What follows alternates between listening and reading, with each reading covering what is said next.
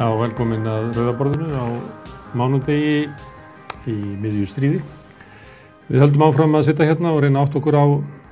tímum sem við lifum, hvaða merkingu þeir hafa. Og til að hjálpa mér í kvöld er komið hingað góður hóprafólki. Það er Gauti Krismansson, hann er profesor í þýðingafræðum upp í háskóla. Eva Bjarnadóttir, hún er stjórnmálafræðingur. Uh, Alli Þór Fandan, hann er frangatastjóri í Transparency International á Íslandi og Anton Helgi Jónsson sem er skáld. Ég fekk ykkur hinga til þess að svona spjalla við mig um hvaða svona merkingu það hefur að lifa á, á stríðstímum, hverju þetta breytir, hvort að við finnum fyrir svona hugg og óta, hvort að heimsmyndin okkar sé breytt, hvort að hugmyndir okkar um eða illa og eða góða hafi eitthvað breyst, hvernig sem að hvernig sem að samfélagi þróa síðan. E,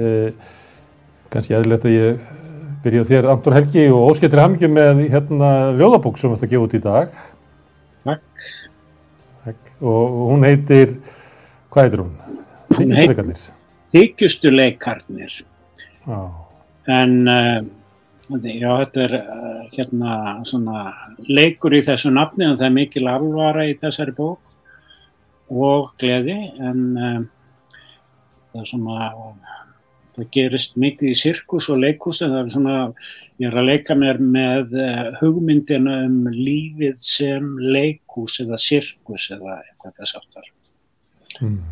Það segður mér að því að kalla á okkur til þess að ræða um eina svona stríðið og hvaða árið það hefur á, á okkur sem einstaklinga og okkur í samfélagi þegar maður er ekki svona alla daga læðist stríðið inn í ljóðin? Já, ég hef náttúrulega núna undanfarið þá hefur þetta sótt mjög á mig og ég hef nú reynd að það er kaltæðnislegt maður fer að kynna sér sögu Úkrænu og reyna að læra eitthvað um menninguna og að fletta upp einmitt úkrænskum skáldum og heyra hvað þau er að segja. Og ég hef reynd í gegnum önnur, önnur tungumála að þýða nokkur ljóð eftir, eftir skáld frá Úkrænu og og, og þannig að fá skilninga á ástandinu. Hmm. Og er þetta, þetta er þung saga sem þú ert á að lesa og kynna þér? Svona, Já, ég sko... Það setur sittur eftir tilfinningunum að, að við séum svona veigalítil og það séu ílmenni sem að þjóstnast á okkur, oft og yðurlega. Já, en... Um, það kemur líka í, í ég hef verið að lesa til dæmis sko skáld sem heitir Seri Sjapan sem er mjög aktífur og hefur verið í aktivisma í Ukrænu lengi og eftir að stríði byrjaði 2014 þá hefur hann orðt mikið um það og, og hérna maður sér á því sem hann er að skrifa að að þó með því að nota orðið, með því að tala, þá er hægt að já, vera með andstöðu, byrta nýsjónarhörn, vekja vonir, þó að með því að segja frá hennu illa eða þeim vonda aðbörðum sem verður að gerast. Hmm. Þetta sé leið til þess að lifa, að það sé að, að tala og tjá sig. Já. Það eru við svolítið að gera hér, erum auðvitað við alltaf að gangi í gegnum ykkur óvissu, við gengum hérna í gegnum uh, heimsvarandur og það, þannig að við byrjaði rauðaborðið, þá voru við að reyna átt okkur á því hvað þetta þýtti eiginlega að vera undir svona einhverju óg sem engin almenna skildi.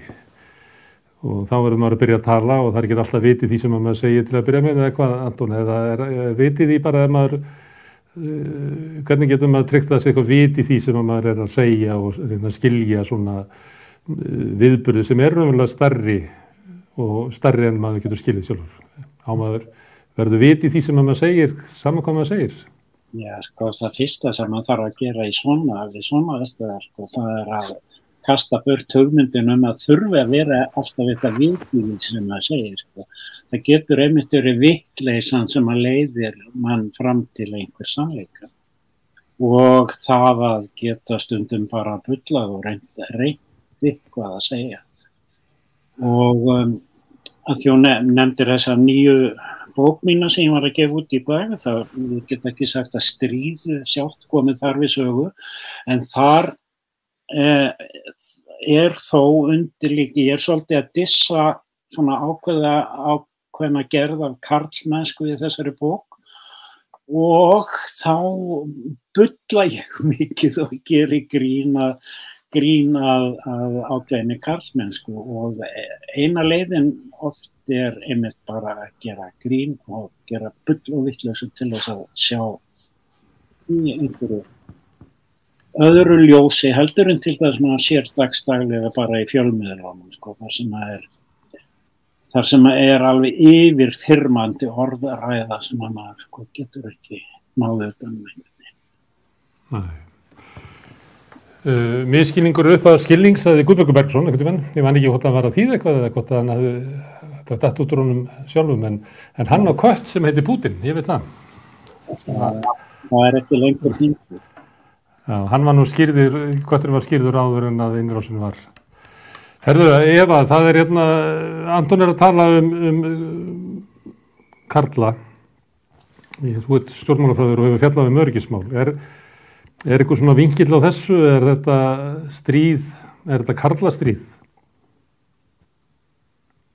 Já, mér finnst þetta áhugavert þegar það sem að koma upp í hugan minn uh, þegar Anton var að tala um kallmennskuna og ég var að setja það í samingi við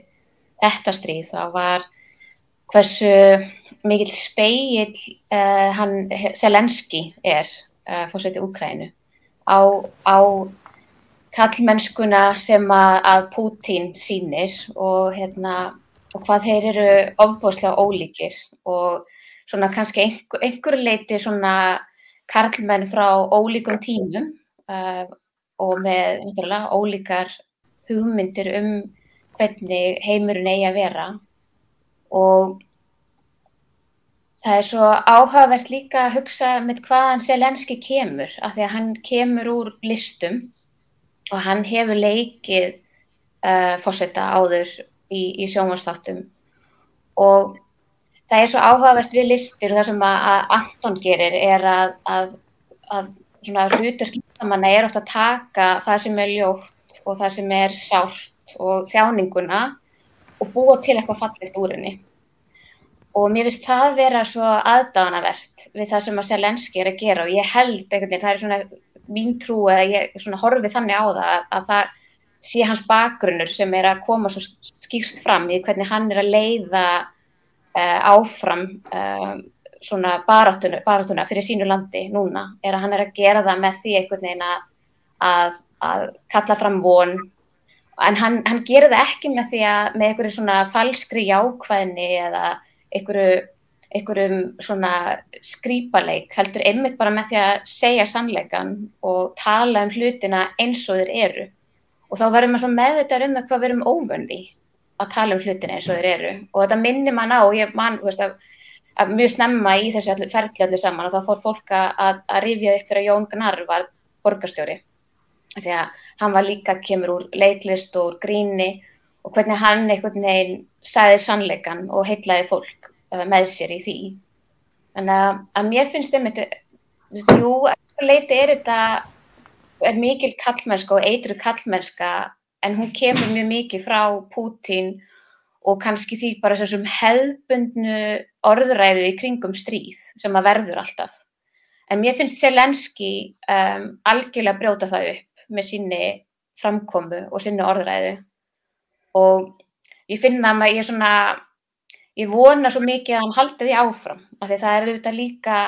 örgulega kemur einhver tíanpunktur þar sem að, að það verður það verður erfitt að haldi þessu miklu von ef að það fer ekki að, að gerast eitthvað, eitthvað meira jákvægt í, í, þessu, í þessu stríði. Hmm. Þú sér að Putin er gamall og Selinski er ungur alltaf mun ekki, þetta er svona mannsald eða svona, þetta er sikkuð kynsluðin er ekki Putin að vera sjötur og er hann ekki bara eitthvað um færtugt þannig Selenski eða eitthvað þar um bil. Er þetta þá, gæti það vera þannig að, að það sem að Putin stendur fyrir verði skilið eftir í sögunni eða getur það verið að, að þetta komi aftur?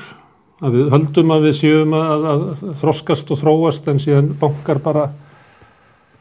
forneskjan aftur og getur forneskjan unnið nútíman? ég held að saga fyrir náttúrulega í ringi og ég held að þessi tilfinning sem við höfum alltaf haft um framþróun er auðvitað einhver leiti fölsk, einhver leiti er við auðvitað bara framþróuna því að tími líður áfram en ég held að hugmyndir koma alltaf aftur og við eigum alltaf getum alltaf átt vona á að einhverjum skonar afturför svona hugmyndafræðilega en mér finnst líka áhugavert við þetta kynnslóðbil þeirra á milli er líka að spekla í, í viðbröðum hér á Íslandi. Um, að því að mín upplifun var um, að það þetta hafi verið, þetta stríð var að einhver leiti um, einhvers konar svona áfall fyrir fólk sem er eldra en ég. Og að því að það upplifiði kaldastríðið og ég var svo lítil þegar kaldastriðinu lauk að ég einhvern veginn á ekki þessar minningar um það. Þetta var ekki, það var ekki þetta áfatt að upplifa kaldastriði fyrir mig. Þannig að ég, ég tengi ekki svona stert við það en ég, maður fann það svo skýrst hvað þessi kynsla fól sem er kynsla Pútins um, er að, var að held ég að endur upplifa rosa margt við þessi innrás mm. og, og var að tengja og rifja upp rosa margt aðstæðinar og fór að upplifa aftur kjarnorku ókn og ég held að þetta hafi róta rosalega mikið í eldri kynnslóðum sem að upplöfu kaldastriðið og, og það sé kannski ekki sami skilningur á stríðinu millir kynnslóða mm. og ég held að við sem að kannski eigum ekki að skýra minningar um kaldastriðið eða upplöfum það ekki uh, upplöfum þetta stríð öðruvísi. Mm. Gauti? Já, fyrir ekki Ég ætlaði að fara með þetta til Gauta því hann er eldri þú. Já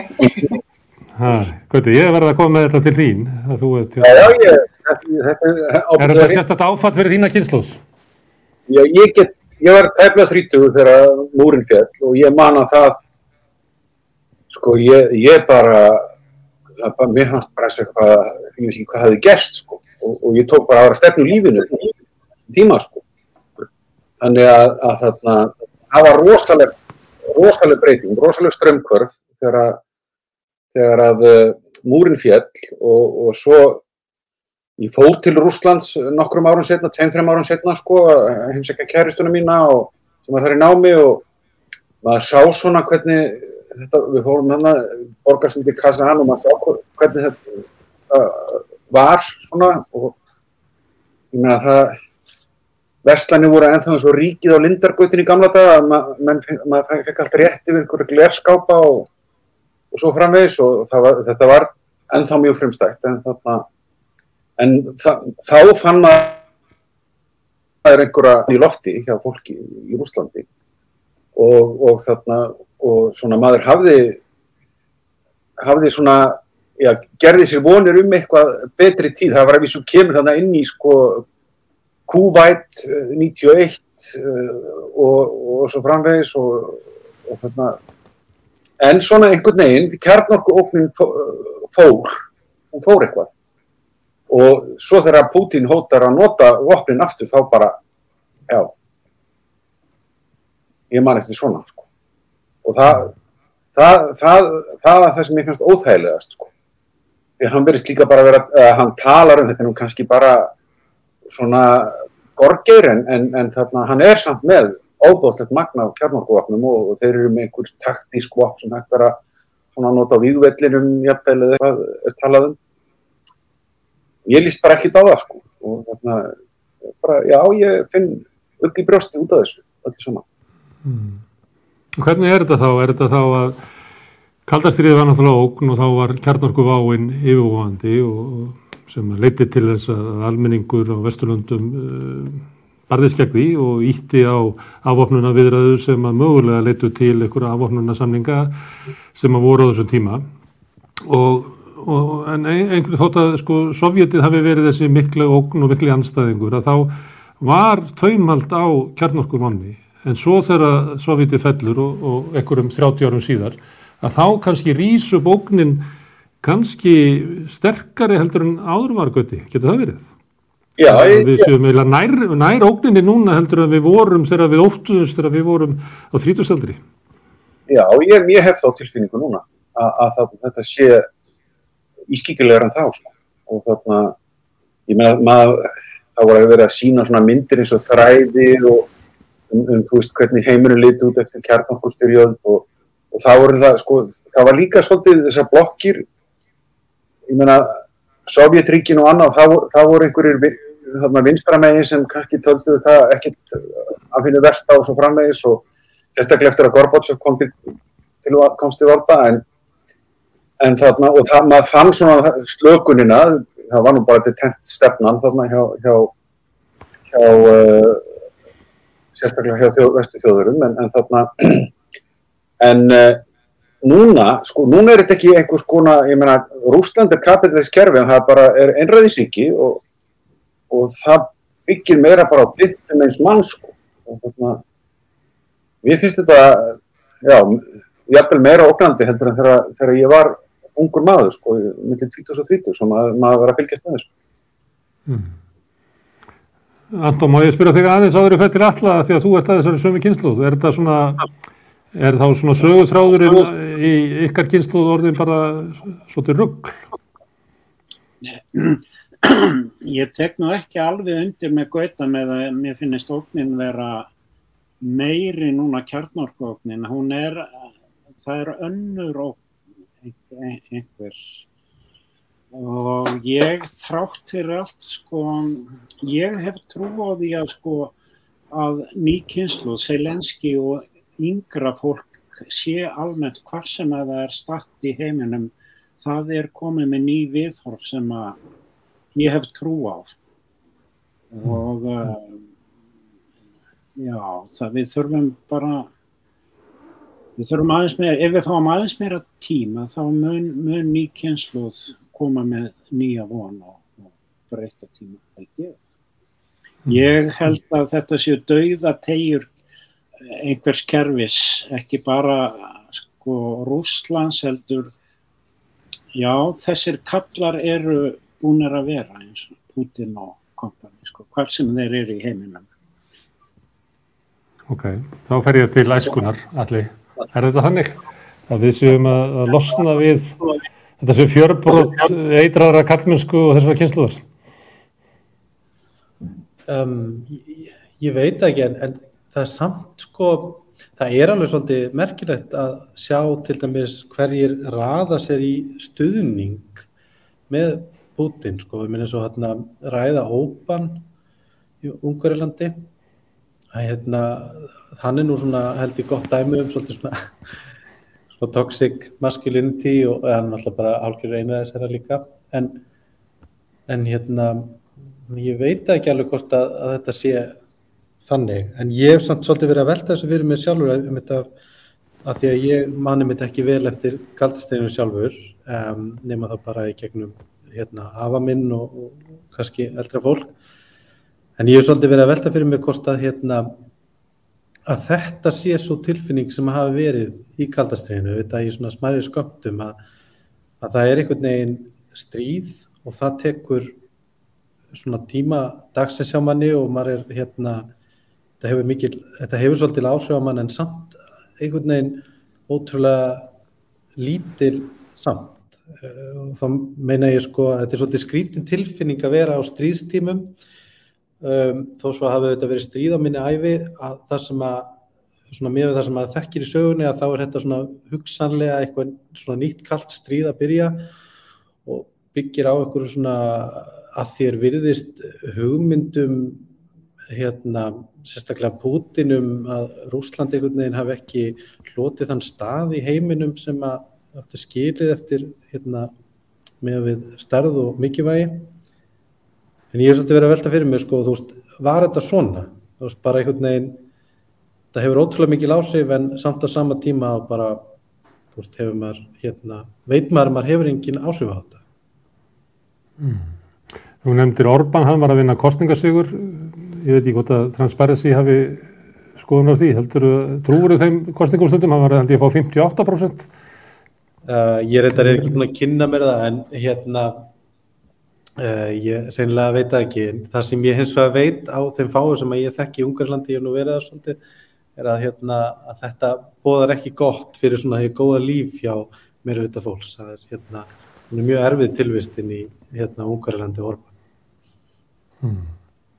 En hann er sem stjórnmálamadur er hann afkvæmi þessa tíma, hann er afkvæmi hrunns Sovjetríkjana, hann var ungu maður sem að eh, bjóð til, hérna, ég man ekki hvað hétt, eitthvað samband ungra líðræðið sinna eh, sem er ennþá skamstöðurinn á þessu þarna, flokkans og hann uh, var eiginlega hluti af svona vorinu í, í Búd Budapest 89 og held með hann að uh, ræður og torgum og fólk horfið til hans sem vonina sem að, að, að þeirra gautir að lýsa þegar hérna þegar að, að Sovjeti hrinur og þá kemur svona vonum að, að allir geti sko tekið þátt í að búa til eitthvað gott samfélag. Og hann var leiðaljósið, þessi maður Orban. Ég veit ekki hvort þið viljið leggja út frá þessu hvort að hvernig þetta getur snúist við Já, ég meina, get ekki hérna byltingastjörnur fallið eins og aðrir og svo líka maður sér það oft í, í svona fólki sko að, að svona, það verða til eitthvað svona söguleg minni. Oft hérna oft var fortíðin ekki alveg ja, frábær og, og hérna maður ímynda sér hlutir svona skána einhvern veginn með tíð og tíma og tímið lagnar alls ár en hérna ég, ég eiginlega maður getur eiginlega ekki alveg skýrt þetta sko hvernig, en það, þú svona þessi fortíðar þráhyggja, hún, hún, hún hérna getur einhvern veginn, svona nostálgja getur tekið einhvern veginn völdin og svo verðist hún breytast í einhvers konar skrimsli sem að sko ekkert stoppar að því að þetta er bara, það er einhvern veginn já ég veit ekki, ég held að ég ætla, hérna, ég held að ég hafa ekkert meira um þetta að segja, ég er ekki að segja Nei, það er það sem ég er reyndar að sagja með hann er að, að hann leitar að vinseldum í stjórnmálum og tegir sig verður sífælt þjóðnisinnaðri og sífælt stjórnlindari eh, talar gegn sko eh,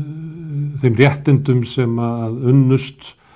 í 68 byltingun og eftir því og, og verður stjórnlindari og, og, og þannig að einhver leiti er hann bara dæmigerður svona populisti sem að sko er að svara kröfum tímans. Og það er náttúrulega einhver leiti hérna þegar við erum að tala um Sovjetið og hrunn Sovjetsins að þá er sko stjórnmálað þróunin eftir hrunn Sovjetsins það sem að mann heldur kannski hér er bara frjálslind líðræðisleg stjórnmál að það er eiginlega fyrir öfugt og upp breytingin kemur að einhver leiti að austan eh, í þessu löndum eins og í Pólandi Ungarilandi, náttúrulega Rúslandi bara, mann þóru alltaf að líka neitum við, við Putin en Orban er náttúrulega vinu Putins og Le Pen sem var fjármagnuð af Putin er að sigra á í aðdraðanda forstakostingarnar í Fraklandi þannig að, að þessi stefna ef Or Orban er eitthvað leitið ógn þá er hún sko raunverulega ógn eða ekki efa í okkar í, í stjórnmálum okkar, það er ekki sjálfgefið að frelsið og, og, og mannréttindi sigri? Nei, það er það náttúrulega ekki sko. Við þurfum alltaf að standa vörðum það og það er svo áhugavert innmygg með um, populism og sérstaklega svona þjóðurnis populisma, hvernig hann hefur byrst, af því að hann, hann byrstist við það og, og ekki bara þarna í Östur-Európu heldur náttúrulega líka hér í Vestur-Európu og við höfum séð um, eins og í Breitlandi um, og í Danmörku og víðar þar sem að, að svona stjórnmól normaliserast. Það er að segja að þau verða hluti af, um, af, af venjulegur og aðrir flokkar og annað stjórnmálafólk fer að elda og, og tala með sama hætti til þess að reyna að höfða til einhvers ímyndars hóps sem, a, sem, a, sem er að kalla eftir þessari orðræðu og það er eiginlega þá sem þetta fer að vinda upp á sig og hérna fer að vera svona, svona spírall nýður á við. Uh, eins og við höfum kannski sáum að einhver leiti með UKIP og í Breitlandi og, og sem að, að svona náðu kannski hámarki í Brexit. Uh, og svo höfum líka séð í Danmörku uh, þar sem að, að orðræðan um, um útlýtinga er, er Það er búin að normalisera mjög harða orðræði um útlending og sérstaklega flótafólk og þar eru jafnaðamenn farnir að tala með þessum hætti. Þannig að ég held að hættan í þessu fælst svo mikið í að normalisera og fallast á orðræðina. Að standa ekki með sínum eigin skoðunum og heldur að, reyna frekar að elda eitthvað svona ímyndað almenningsálit og maður getur hugsað að þessi er rúglega svipað í Ungverjalandi að, að það er, hafa, er kannski að einhver leiti stittra þarna á milli og það hafa einmitt verið kenningar um veist, af hverju gerist þetta á þessu svæði og það hafi verið vegna þess að það er svo stutt síðan að múrin fjall og Sovjetrikin voru til og það er ennþá svo mikið af fólki sem að kannski finnst þetta kunnulegra.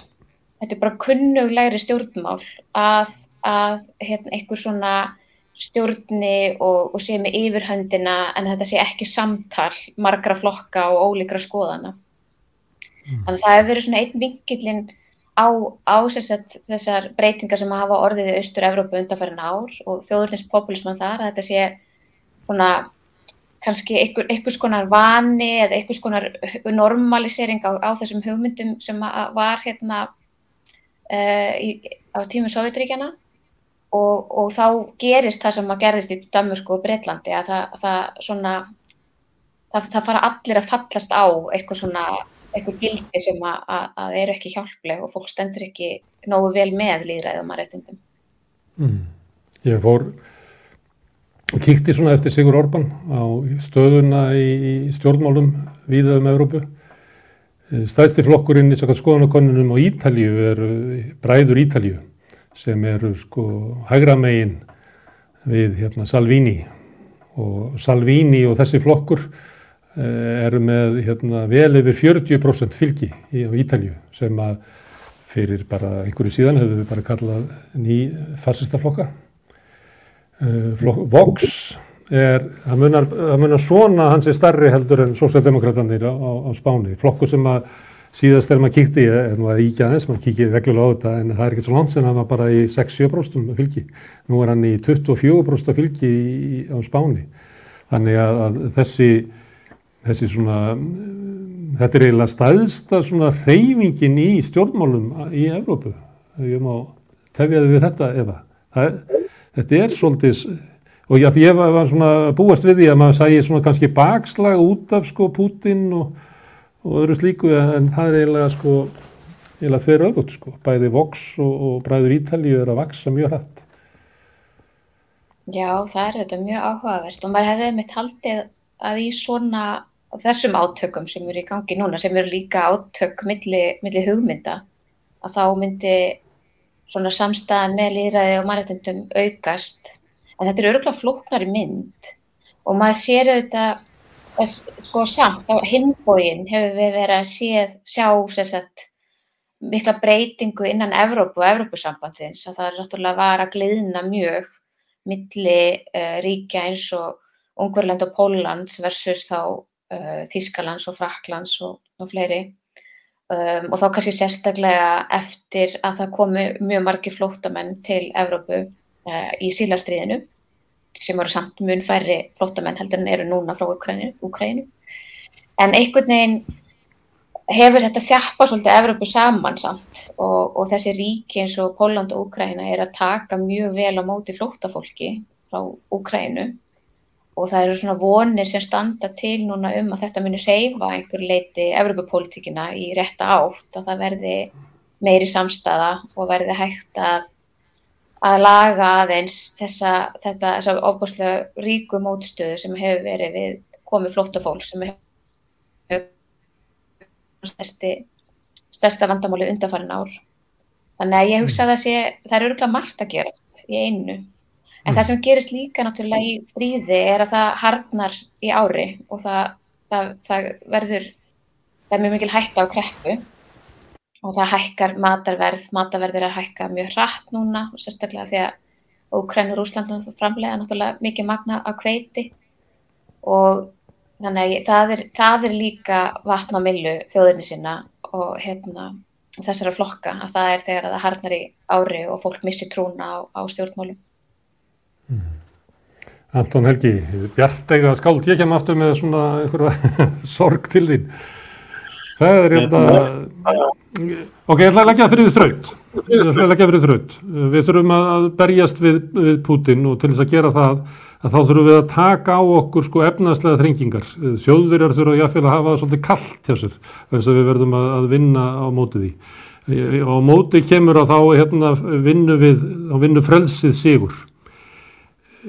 Gæti Evrópa tekið svona ákvörðin? Að taka á sig sko svona fórnir sem að Eva var að benda á að leiða oft til sko mikla á, stjórnmálar átaka í samfélaginu og, og jáfnveil einhverja svona umbyltinga e, gætu við tekið svona ákvörðunum að taka á okkur mikla þrengingar til þess að einn góða myndi sigra? Ég, ég þór ekki að segja til um það sko en ég er á því sko að að sko þetta tekur allt tíma eins og sko líðaræðis þróun hvort sem er í, í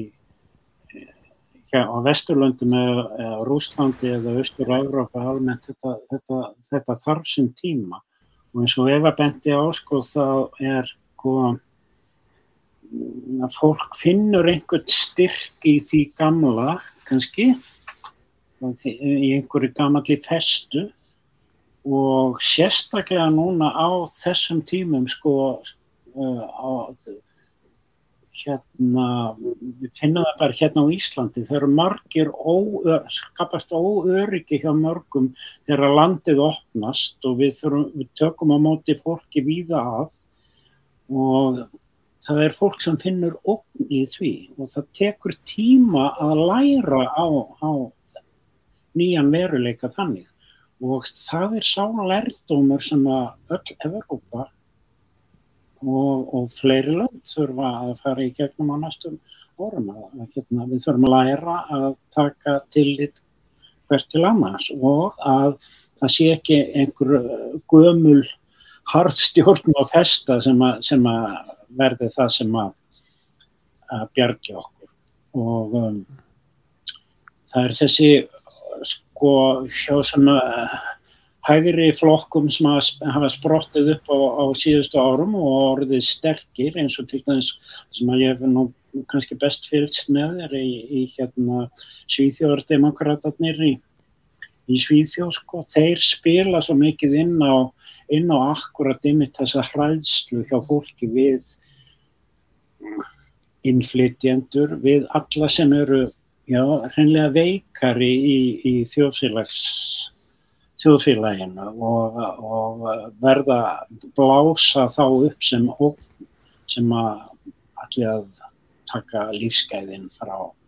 frá okkur sem erum normal eða eitthvað þess aftur. Mm. Og, og já, þetta er, þetta er bara samtal sem það þarf að eiga sér stað og rifrildi við fólk. Vonandi þarf ekki stríð til þess og mm. ég hef ekki trúið fyrir hendur. En hafa Svíþjóðademokrátar ekki tekið vel í þau að taka á móti úkrænumönnum þótt að þeir vilja ekki taka á móti flottamönnum frá Sýrlandi og öðrum stríðsfrjáðum löndum? Já, ég hef nú ekki fylgst með því. Það er einsvíst, sko. Það er einsvíst og það er náttúrulega, sumuleitið er náttúrulega svo flókið þetta ástand þarna í, í Úkrænu, svona pólitist séð, sko. Það maður átti að sig ekki alltaf á, já, þessi skiptingi hægri og vinstri og flokka maður, maður áttar sig ekki alveg á því alltaf með þeim hugsanahætti sem maður hefur hér þegar maður fer alltaf östu fyrir eða bara varðandi sko stríð og hernaðarbandalög. Ég hérna ég hef uh, tvisaðsannum verið í, á nýlega í, í Litáin og fyrir nokkur á málum síðan þá Eh, komið mjög mikið óvart. Í að ég lendi allt inn í var á bókmyndháttið og með ágættis fólki og, og, og sem hafa kunnið vel að metta og er svona bara fólk já, svona sem getur verið vini mínir hér. Sem bara, bara stalið allt í unna þessum, þessum þessari miklu hóp uh, úr austri Rú, Rúslandi og talið barst að NATO. Og þá upplýfið ég sko í augum þessara félaga minna þá bara er NATO eitthvað allt, allt annað fyrirbæri heldur við maður þekkir í orðaræðinu hér sko. og það er sko ekki kannski beint frelsandi engill en einhver svona styrkur sem að gefur vonum að það sé ekki hægt að trafka þeim og þessar mm. og ég upplifi þetta sem alltaf að vera mynd heldur en uh, svo sem að hægri mán voru með hér á, eða Vardberg eða hvað er héttu þetta er eitthvað, þetta er einhver hugsanahættur sem að er svolítið erfitt að setja sig inn í það, þannig meina ég að það er,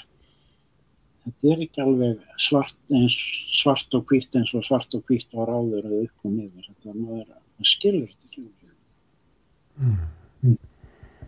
Gauti, þetta reynir á ymsar hugmyndir okkar, meðal annars um NATO. Já, Na- já, NATO, ég meina, það var náttúrulega svolítið verið sem ég langar aðeins að, út af sem Anton segði á það, sko, ég, ég man eftir kaldastriðinu á, á nýjunda áratöfnum, þá var alltaf verið að reyna að afvopna. Þá, þá snýru bæði Sovjetríkin og, og Bandaríkin og, og Evrópa vildu ná að vera að semja um afvopnun. Núna fyrir skömmu kom beinlínis hótunum beitingu kjarnafólum. Það finnst mér vera tölurverðin munur. En sko, ef maður er að skoða, ég meina, mér finnst svona ástandið í Östur-Európu, það minnir mig oft á Væmarlýðveldið, Þíska, sem kom upp eftir fyrir heimstyrjöld, fyrsta líðræðis, fyrsta líðræðis tilurinn þjóðverja. Og þar voru stopnarnir og, og, og samtalið veikt og, og, svo kom kreppa. Og þar með fór þetta allt í leit af einhverjum fóringja. Og við erum búin að, sko, við upplýðum kreppu 2008, það kom flótamannakrísan 2015, svo kom COVID 2020. Ég held að, að þetta hafi mjög mikil áhrif á fólk uh, víða, að, að, að þarna, það leitar að einhverju stabiliteti, einhvern veginn, sko, og sem það er í, í, í Viktor Orban eða, eða, eða hér hjá okkur í, í vinstri hægri stjórn samtímis. Þannig að það er svona, sko, það eru svo margi faktorar, þessi efnahagslegu og, og, og þarna, og, og svona, svo náttúrulega allir kunnu nazistatir og það gera allir þessu svíþjóðademokratatir, búa til óvinn, þeir byggu til geðinga og þarna, þá sem ógn og svo framvegis og hjá, sví, sví, hjá mörgum þessum hægri flokka er það innflytjandur, sérstaklega til 2015 og, og þarna fólki finnst þetta það, það er allavega margir sem kjósa öðruvísi út af því held ég mm. og kjósa ekki alltaf endilega það sem er mesta frelsið eða Nei. mesta líðræðið eða bestu mæriðtindin fólk kýsa eitthvað annað Já, vill fá eitthvað svona sem er örugt sko. eða því finnst vera örugt öllu heldur mm. veitir þá tilfinningu að verði þá fyrir, fyrir aðstæðjandi okkur og svo framvegis sko. Það maður sér þetta svo á væmarlýðöldunni að það, það er svo augljóst hvernig, hvernig Hitler kemst í valda í hann er bara 2% af flokkur sko á þriðjaratöknum sko. og hann náði aldrei meira heldur en í svona almennum kostningum en 30-32% þá bara var hann veitt kanstaranbætti af, af, af Hindenburg og, og hægrimannum þar og, og svo það, það kveikt hann í þingúsun og með bara var málunni lokið sko. Alli, hérna, þú ert að uh, benda á mikilvægi uh, gegnsægis, opinar umræðu uh, til þess að við getum haldið hér uppi öflugu, kröftugu, líðræðslugu samfélagi. Gauti svolítið að segja að þegar kannski áreinir að þá er þetta ekkert svona gildi sem að vera að segja okkur svolítið að þess að vera að berjast um sko investrannu gildi að þá sé þetta kannski gildi sem eru fljótað hérna, eða fólk að velja eitthvað annað frekar heldur en að, að, að berja sér í þessu. Já, já, mér hefur til dæmis þótt svolítið engina þessa flokka, svona þessa hérna, svona skrumflokka, að ef maður hugsa út í hvað þeir eru að bjóða, þá vildir þeir að bjóða sko allt fyrir ekki neitt, þú veist, ofsalega einfalda lausn án fórna, til dæmis að þú getur verið með hérna vinstri og hægri stjórn á sama tíma en ég er þó alls ekki að segja beinleins að hugsa um hérna ríkistjórnar ríkistjórnar hérna. Og svo er hitt sem að ég held að geti verið svolítið aðlægandi þegar það er búið að búa til ógnina að þá kemur oft svolítið svona loford um það að hérna að alltaf hata sko innflindur, konur, hinsegin fólk, þú veist og einhverja svona tilbúna hérna elitu, þú veist einhverja latti leifjandi meira heldur en sko þig. Og þú getur þá sett þig inn í þann hóp sem þú vilt. Mér finnst hérna það svolítið engina þetta. Og, og þá erum við, þarf maður að spurja sko hvert er tilbúið hinum einn og þú veist, mér finnst til dæmis mjög svona skýrtæmi er hérna í kostningunum millir Trump og Hillary að, að Trump eiginlega sagði, þú veist, ég, ætla, ég skal hatta út, útlendingana og konunar og atvinnilegsveikina og hins segir fólk meira en ykkur. Á meðan Hillary svona eiginlega lofaði að hlutir yrðu ekkert mikið verið, eiginlega kannski sama. Og ég er ekki að reyna að gaggrina Hillary hérna sérstaklega en ef maður hugsa um sko eins og hérna varandi Úkrænu að Úkræna er ekki, ekki land sem að sko hérna hefur ekki, Úkræna er land sem hefur sóst í það að vera hluti af þessu sem við kallum eitthvað svona líðræðiskildi og opinn. Og, og hérna veist, það hefur verið, veist, það virðist vera með minni takmörkuðu þekking á úkrænsku pólitík, þá virðist það vera svona leiðarstef bara stjórnmála hérna síðasta áratugs, áratuga. En ég veldi fyrir mig sko hvað koma móti sko, þú veist, af því að það er oft hala eins og við sem að berjast fyrir ykkur sammeilugum gildum en hérna kannski er ekki það mikið stöðningur með, kannski eru við ekki hérna samheldin og við látum á meðan einhvern veginn hitt einfaldatilbóði hjá hérna skrumurnum að þeir einhvern veginn ná að saminast alveg að miklum krafti og eru svolítið svona organæsiraðir og það verður rosalega erfitt að keppa við þetta. Ég held til dæmis að, hérna, að stöðnismenn Pútin séu með miklu sko, svona, svona skýrri hugmyndur um hver barátta þeirra er heldur en við hinn sem viljum þó all saminast um barátta fyrir eitthvað svona réttlæti, þú veist, fyrir opnu líraðiskerfi. Og það er kannski líka hluti af ógninni. Ok, hvað vil Pútin? Ef það er skýrt, hvað er það sem að Pútin vil? Ég, ég, held, ég hef ekki hugmyndið um hvað Putin vil sjálfur sko en ég get ímyndað mér að hérna að ef að þú svona ert svolítið svona Putins maður þá hérna þá sérðu fyrir þér að, hérna, að Rúsland fái svona sinni réttmæta stað í heimspolítikinni uh, geti nýtt sér efnaðslega vald sem það hefur meðal hans með gasi og auðvita að hérna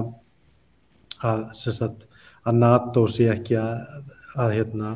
nálgast þeirra landamæri að þessi hluti af svona einhverju sjálfsæðri þjóðaröryggi stefnu þeirra að hérna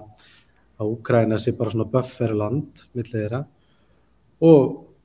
svo auðvitað þú veist eru vand, vandamál hérna heima fyrir, það vandamál í, það voru vandamál fyrir í Rúslandi og þá getur verið í einhvers konar menningastriði gegn hérna, erlendum áhrifum og, hérna, og kent einhverjum svona sammeilum óvinnum hvers vegna er nú Rúsland að lífskjör hafa ekki batnað fyrir langt flesta þannig að tilbúið er í raun og veru að, að, hérna, að hata aðra held, meira heldur en þig vegna þess að það eru takmurski gæði. Mm hérna, ef að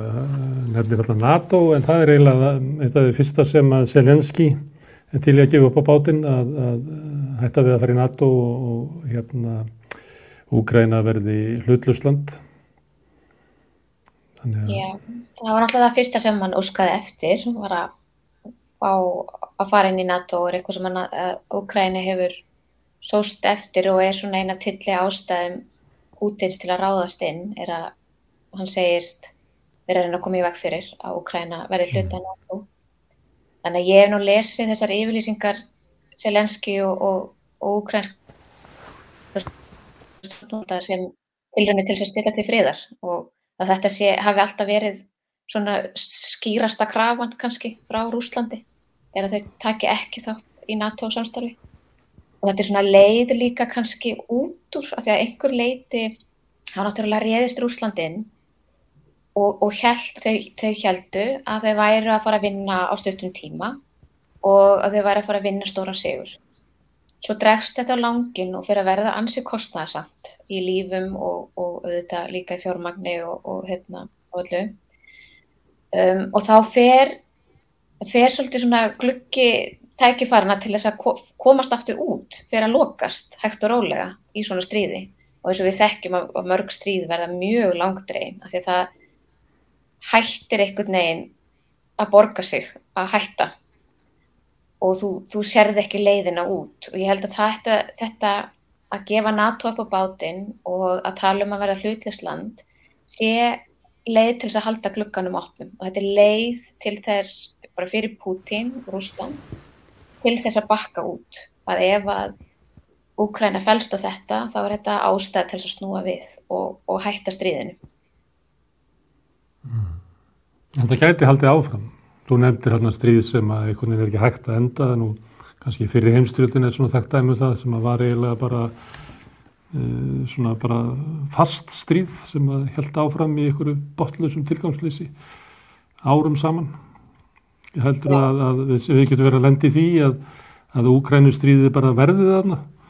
Ekki, það sé ekki sami fyrir vorið, heldur getur það verið stríð eftir ár og eftir tvö ár. Það er náttúrulega það sem gerist ef að, sérstaklega ef að, að það fara fleiri fylkingar e, eða af, af stað og styrkjast og það er alltaf það sem hefur gæst til dæmis í Sýrlandi og Jemen og víðar að þar, þar fara utanakomandi öll að styðja við hópa uh, og styrkja hópa innan ríkisins og í Úkrænu eru þetta aðskilnaða sinnar sem að hafa verið að berjast við stjórnvöld og það væri í raun og veru, þú veist, kannski á þess að vera neins konar sérfræðingur í hernaði að þá getur maður séð fyrir sér að, að ef að þeir fengju áframhaldandi aðstóð utanakomandi til að halda áfram því stríði og jáfnveil að meiri krafti að þá getur þetta haldið áfram og hefur alltaf verið og það má ekki gleyma því að það hefur verið, hafa verið átökarna síðan 2014 og hefur verið algjört neyðar ástand þarna í Dambars héröðanum síðan þá og allan tíman þannig að, að, hérna, að þetta gætu það geta að mjög líklegt að halda áfram átök þótt, jafnvel þótt að Rúsland um, græði sér út. Já. Það er Anton, ég kem alltaf með slæmu tíðindin. Hvernig þú ertur svona að tala fyrir svona mannúð og voninni? Ég kem alltaf vonlust tíðin með hérna að við getum jáfnvel verið að horfa upp á sko, stríð sem bara getur ekki hægt vegna þess að við rötum ekki út. Þannig að spurningin er hvernig getur mannúðin og vonin stöða þetta stríð? Hvernig, hvernig getur sko, vonin og mannúðin stöða þetta stríð? Já, segðu. Ég held að sko Já, ég held að það sé bara forvitni um aðra sem að, sem að já, bæði er vonin til þess að sko, stöða stríð og vinna stríð. Og ég minni á að við erum að tala um það sko hvað mynda stríð halda áfram lengi, ég veit það ekki, en, en bara uh, síðustu stríð sem við höfum fylgst með, við tökum til dæmis að horfum til Afganistan, þar fóru rússarinn Já, sovjetmenn voru það þá 1980, allir bara skreppin og klára málið 1-2-3 og allir vita hvernig það fór. Þeir gáðist upp þar og svo komu bandaríkjumenn og þeir ætlaði að gera það sama og voru í 20 ár og það var í báðum tilvikum alveg vonlaust frá byrjun og meðal annars vegna þess að, að þessi, þetta gengur ekki lengur þessi tól og tæki. Það eru einhverju sem græða á á vopnaframleyslu og þarframst í göttunum en ef að stjórnmálamenn ætla að vinna löndið eitthvað þá þurfa er aðrar aðferðir. Og, og eitt sem er mjög gott dæmi frá Afganistan var að þar voru nú sko bandaríkjaman og, og, og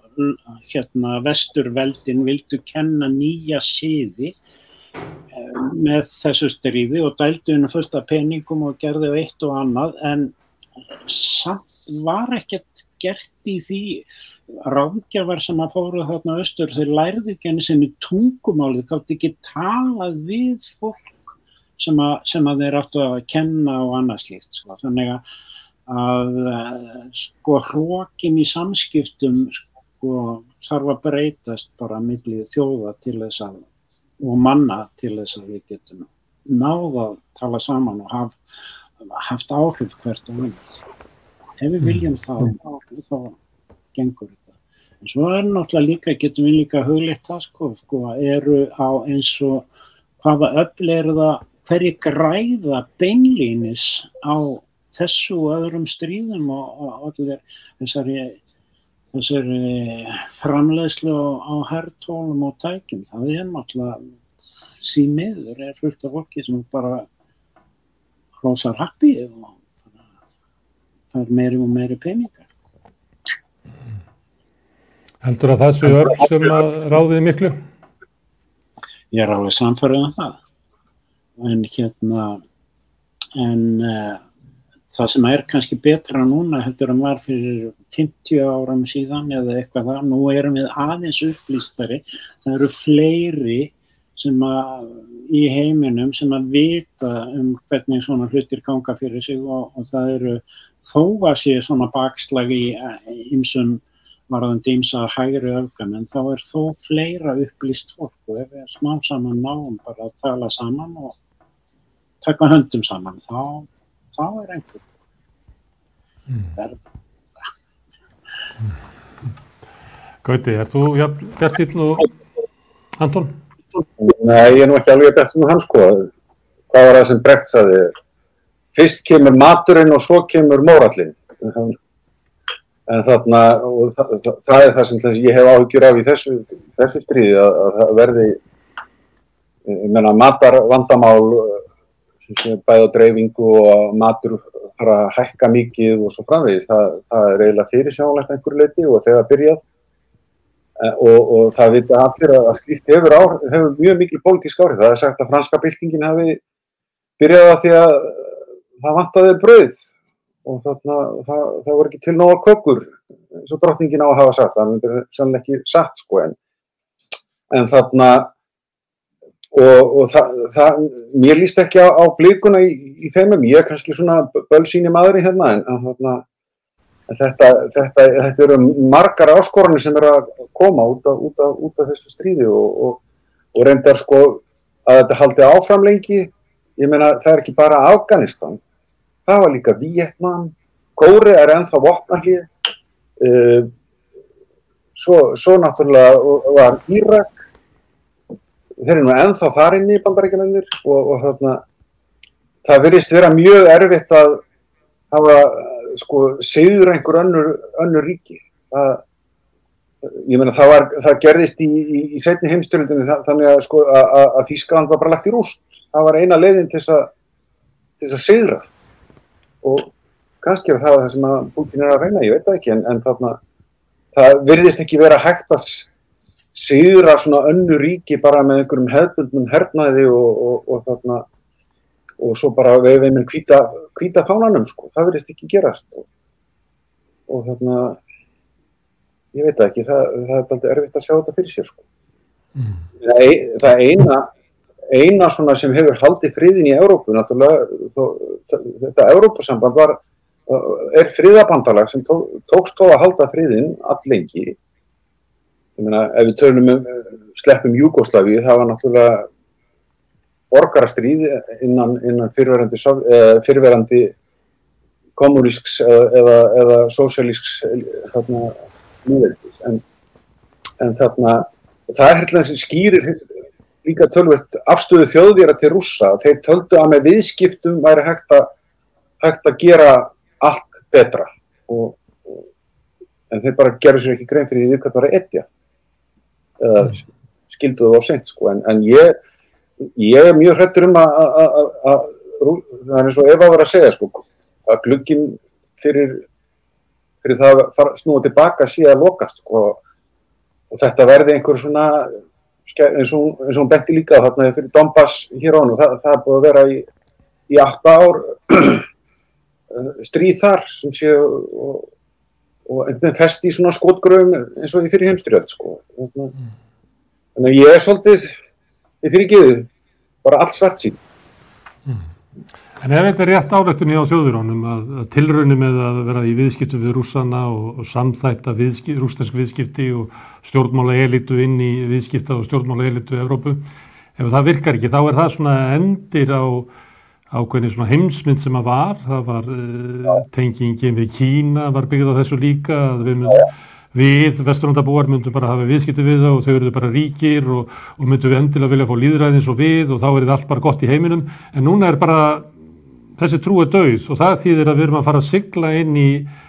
heim mikill átaka. Já, ég er og- hættur, ég er mjög hættur um það og að, að þarna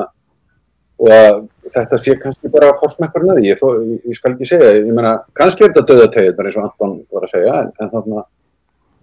en, eh, en, en þarna það er, það hefur eitthvað gru- í grundvallar atriðum breyst, stríð valda, svona stór stríð valda alltaf strömmkörfum og og ég meina, við vitum ekki hvað gerist á næstu árum, ef það verður bara matur á skortum skamti eða, eða dýr, mat, mjög dýr og farið að berjast um það, þá, þá getum við séð afleðingar sem getum ekki ímyndað okkur en þann dag í dag. sko. Þetta öryggi okkar hér á Vesturlundum hefur verið náttúrulega byggt á, já, á tilteknum allsnæktum og, og, og, og yfirgangi á öðrum löndum og, svo framvegis. Það verður bara að viðurkennast.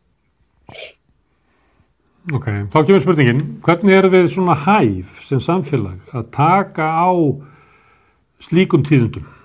Að við erum að horfa á, það er bara uh, breyting, að við erum að laga heimsmyndin okkar og við erum að mæta nýjum áskorunum og, og hvernig erum við bara svona, erum við svona bara nýkominu rektinni og alveg til í þetta eða erum við svolítið svona uh, sloppi og feit þarna í, í stólnum okkar, allir þór, er, erum við svona hérna, uh, jólamyndin hjá Netflix fjallaði svolítið um þetta, Hver- hver- hversu góð við erum sem samfélagi að taka á hérna, sl- slæmum tíðundum, það var kenningi var svo að við erum bara algjörlega óhæf til þess og það bara fer allt breytist allt í vittlisu sem að er hent inn í þetta ringleikahús sem við erum.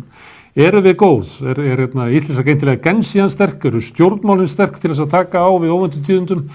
Eh, Erum við bara tilbúin í þetta? Sko, ef þú ert að tala um hérna intelligensina og samfélagið svona í heilsin en ekki á Íslandi, ég myndi nú taka Íslandi aðeins út fyrir sviga. Eh, Við erum ekki vönið að vera leikstjórar í okkar lífi. Um, já,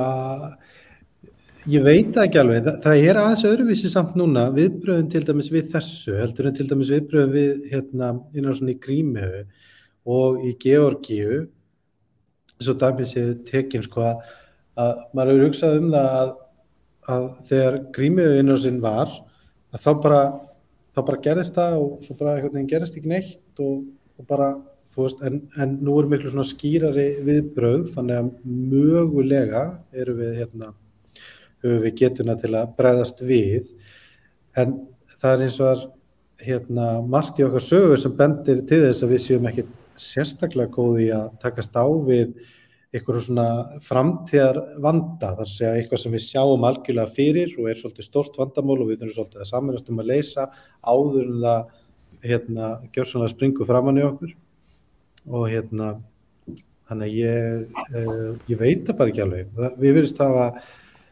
tínt því svolítið að því ég var nú að tala um nostalgíu áðan og þá ætla ég að tala um tíma sem að ég manu þetta ekki neitt eftir að var ekki fættur en, en þegar maður horfið tilbaka sko á eftirstýris árið, þú veist, þá hugsa maður bara, þú veist, bara vá, þú veist, því lík hérna framsýni og farið hérna í rísa fjárfestingar og tekist á við stór hérna svona sameigileg vandamál.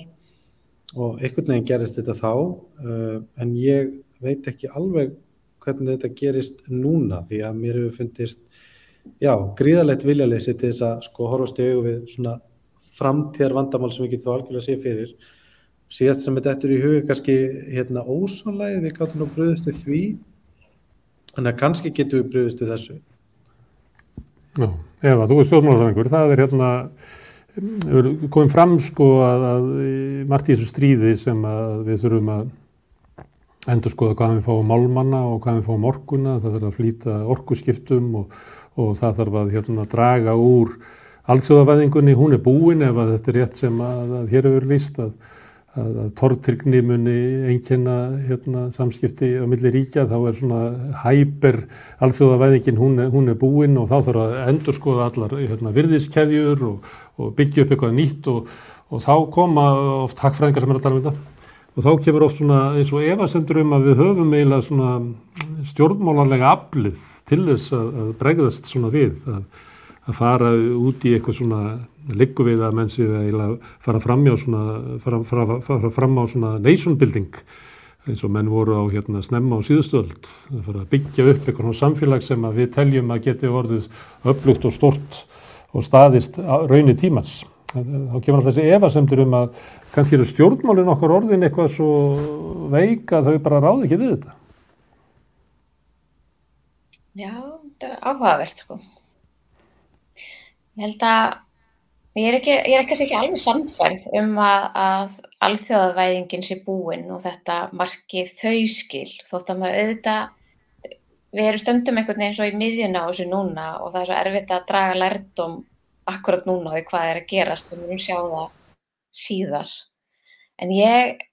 hef myndið verið mjög hugsi yfir um, þessu viðskiptabanni við uh, Rúsland sem eru svo ótrúlega eðlileg viðbröð og þetta er einhvern veginn eina vopnið að þú ætlar ekki að fara í hernað og þá er þetta svona sterkast á vopnið. En þetta er líka hefur maður kannski fundist einhver leiti verið að skjóta sig í fótinn með því að að missa svona samskiptin við Rúsland og missa að því að um leið og við verðum sjálfstaf frá Rúslandi þá verður Rúsland sjálfstaf frá okkur. Og ég er ekki vissum að það sé endilega það sem við viljum ég held að það sé alltaf gott að hafa einhverja línu þannig á milli þótt að ég efist ekkert um réttmætið. Ég skil alveg, þetta er, þetta er það sem er kannski réttlátt að gera akkurat núna að þá er ég ekki alveg vissum að sagan muni dæma þessar aðgerðir endilega vel. Aðalega bara vegna þess að þegar að Úsland ef eitthvað tíman verður algjörlega laust við öll viðskipti við uh, Vesturland og algjörlega óháð Vesturlöndum að þá fyrst um, verður erfitt að tala saman. Þannig að ég veit ekki alveg hvort að ég vilji lýsa því yfir, að það, því sé lokið. Ég held að, að þetta sé leið sem við höfum fundið til þess að eiga í ákvæðum samskiptum. Um, en hvort að stjórnmálinn ráði við þetta, það er alltaf rétt það sem að, að hérna, allir var að segja. Við erum alveg ferleg í að, að reyna að takast á við eitthvað sem er svona í náinni framtíð, veist, við, við erum alltaf að bregðast við og við getum einhvern veginn, við erum erfitt með að undirbú okkur við sjáum svo vel á lofslagsmálunum og bíómyndir sem við ást að vísa í hérna á Netflix síndi þetta svo vel líka. Ég held að það er vonin kannski liggur í nýjum kynnslóðum. Það verðist vera mér finnst eitthvað sem sé það í mínu starfi þar sem ég hitti mikið ung fólki að það er bara það er önnur sín á stjórnmál og það er önnur sín á tilgang stjórnmála. Og ég upplifi þegar ég tala við yngra fólk að þau, að þau sjá tilgang stjórnmála vera að leysa framtíða vandamál þannig að kannski, kannski sjáum við eitthvað von þar. Mm. og ég stila orðina aðeins? Svel Ég, ég ætla að segja, hérna, mér langar bara að taka undir þetta, undir það sem ég á að vera að segja, en ég reyndar er algjörlega tilbúin að lýsa því yfir að þetta sé engan veginn, hérna, döiði alþjóðaðingarinnar. Ég held að, hérna, þráttur að það sé alltaf verið að, að spá því og maður sáð mikið í COVID að menn töluði eins og, hérna, nú er þessi bara lokið að þá um, held ég að svona alþjóðaðingin síni það að hún er, hún er mjög lífseg og að mínum að þið hérna svona hinn rétti vegur áfram. Hins vegar má velta fyrir sig hvort að alþjóðvæðingin á svona fossendu, eitthvað svona stórkapitals eða fossendu stóra ríkja sé verði eitthvað veikari. En að því að ég var að tala um þetta með sko kynnslóðamunin það sem að ég tek svo stert eftir og það var ástæðan fyrir ég var að nefna hérna eftirstyrsárein er að mér finnst sko ég svolítið hafa verið svikinn í minni æsku. Ég elst upp á hérna, nýjunda og tíunda áratögnum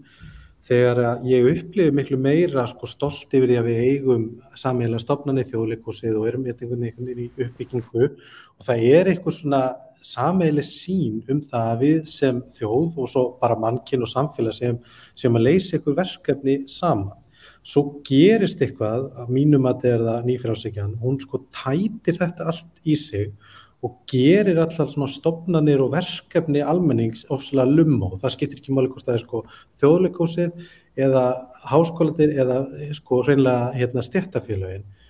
og ég finn sömu leiðis óbúslega mikið mun hjá yngri kynnslóðum að hérna, og ég held að ástæðan fyrir að, að það er svona sving í pólitíkinni eftir kynnslóðum er að veist, þetta er, er, er óskin um sameigilegt verkefni að við sem mannkinn leysum eitthvað saman hugsanlega ef maður lefið sig að vera jákvæður þá er þetta stríð og COVID og hana önnur upphafið að því, dauði þeirra stefnu að það sé einhvern veginn aðsta mark með alls að móka bara undir einhverja miljardamæringa, það sé bara hefði siðferðslega rétta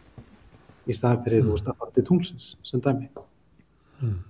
Það er nú kem ég með góð tíðindi þinn, það er hérna tími ég sinns er búið og tími viðsins sé að rýsa upp, það máttu eiginlega að lesa það út af því sem allir var að segja, þetta ekki, hvað séru því? Ég er bara að tekja undir það sem allir segir og það sem ég var að segja líka aðan og ég held að yngra fólk í dag það hafi, hafi önnur gildi og eigum ekki að þakka okkur það konar smáriði og Guðið er búin að alveg þetta fólk upp. Kannski? Ég, og það er sko alþjóðavæðingin er ekki döið en það kemur önnur annars konar alþjóðavæðing og einmitt ekki endilega fórsendum sko stórkapitalsins eins og allir saði það er við höfum annar gildi og annar markmið sem að, við þurfum að alþjóða væða og erum að einhverju leiti að gera það og við sjáum það nú best í því í, í baróttu ungs fólks eh, við að vekja aðtikli á lofslagsvandanum. Það er alg, algjörlega sko ný reyfing og nýtt element sem að kemur alveg þvert finnst mér á allar stjórnmála reyfingar sem að hafa verið áður og þar á bakvið oft eru alveg ný gildi og hjá ungu, maður tala við ungt fólk í dag sem að finnst alveg sjálfsagt ná auðvitað við skulum hægja á hagvextinum, tökum þetta rólega, skulum minga nesluna og það er bara, það er fullt af fólki sem að tala í fylstu alveru um, um svona hluti sem að ég held að, held að við, ég vekja von á mér sko, um að það, það verði hægt að hægt að breyta og gera heiminn betri. Mm. Það er. Það er þetta eitthvað á bensínu þina?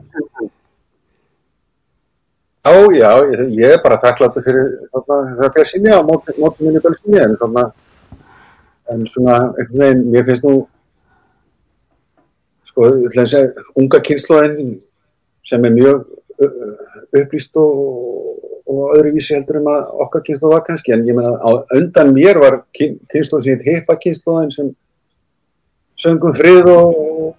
og, og svo framvis og svo þegar hún komst að miðan aldur þá fórum bara um velfæld og, og þarna og svo framvis öryggi kannski. Efnahagslegt öryggi. Þannig að svona ég ætla svona býða með niðurstöðu sko. Það það getur vel verið að við, við verðum neitt til að taka þessi, upp þessi verkefni eins og, eins og þarna allir var að nefna að, að, að við verðum að fara að vinna saman í, þeir átti sig á því allt í einu að þetta er orðið bara lífsaf, lífsafkomu spursmál að gera eitthvað í lofslagsmálunum en þarna svona ég ég ætla að býða með að segja húrra Já Herðu, það látum við vera lokaorðin, við byrjum við að segja húra. Ég þakka okkur kjærlega fyrir að staldra hérna við og hjálpa mig til þess að skilja þessa tíma. Gauti Krismarsson, Eva Bjarnadóttir, Anton Helgi Jónsson og Alli Þór Fandal. Tólum svolítið um kynnslóðir og Viktor Orbán kom við svo hérna. Hann var 1989 von Ungarilands, uh, nýja kynnslóðin sem átti að breyta öllu.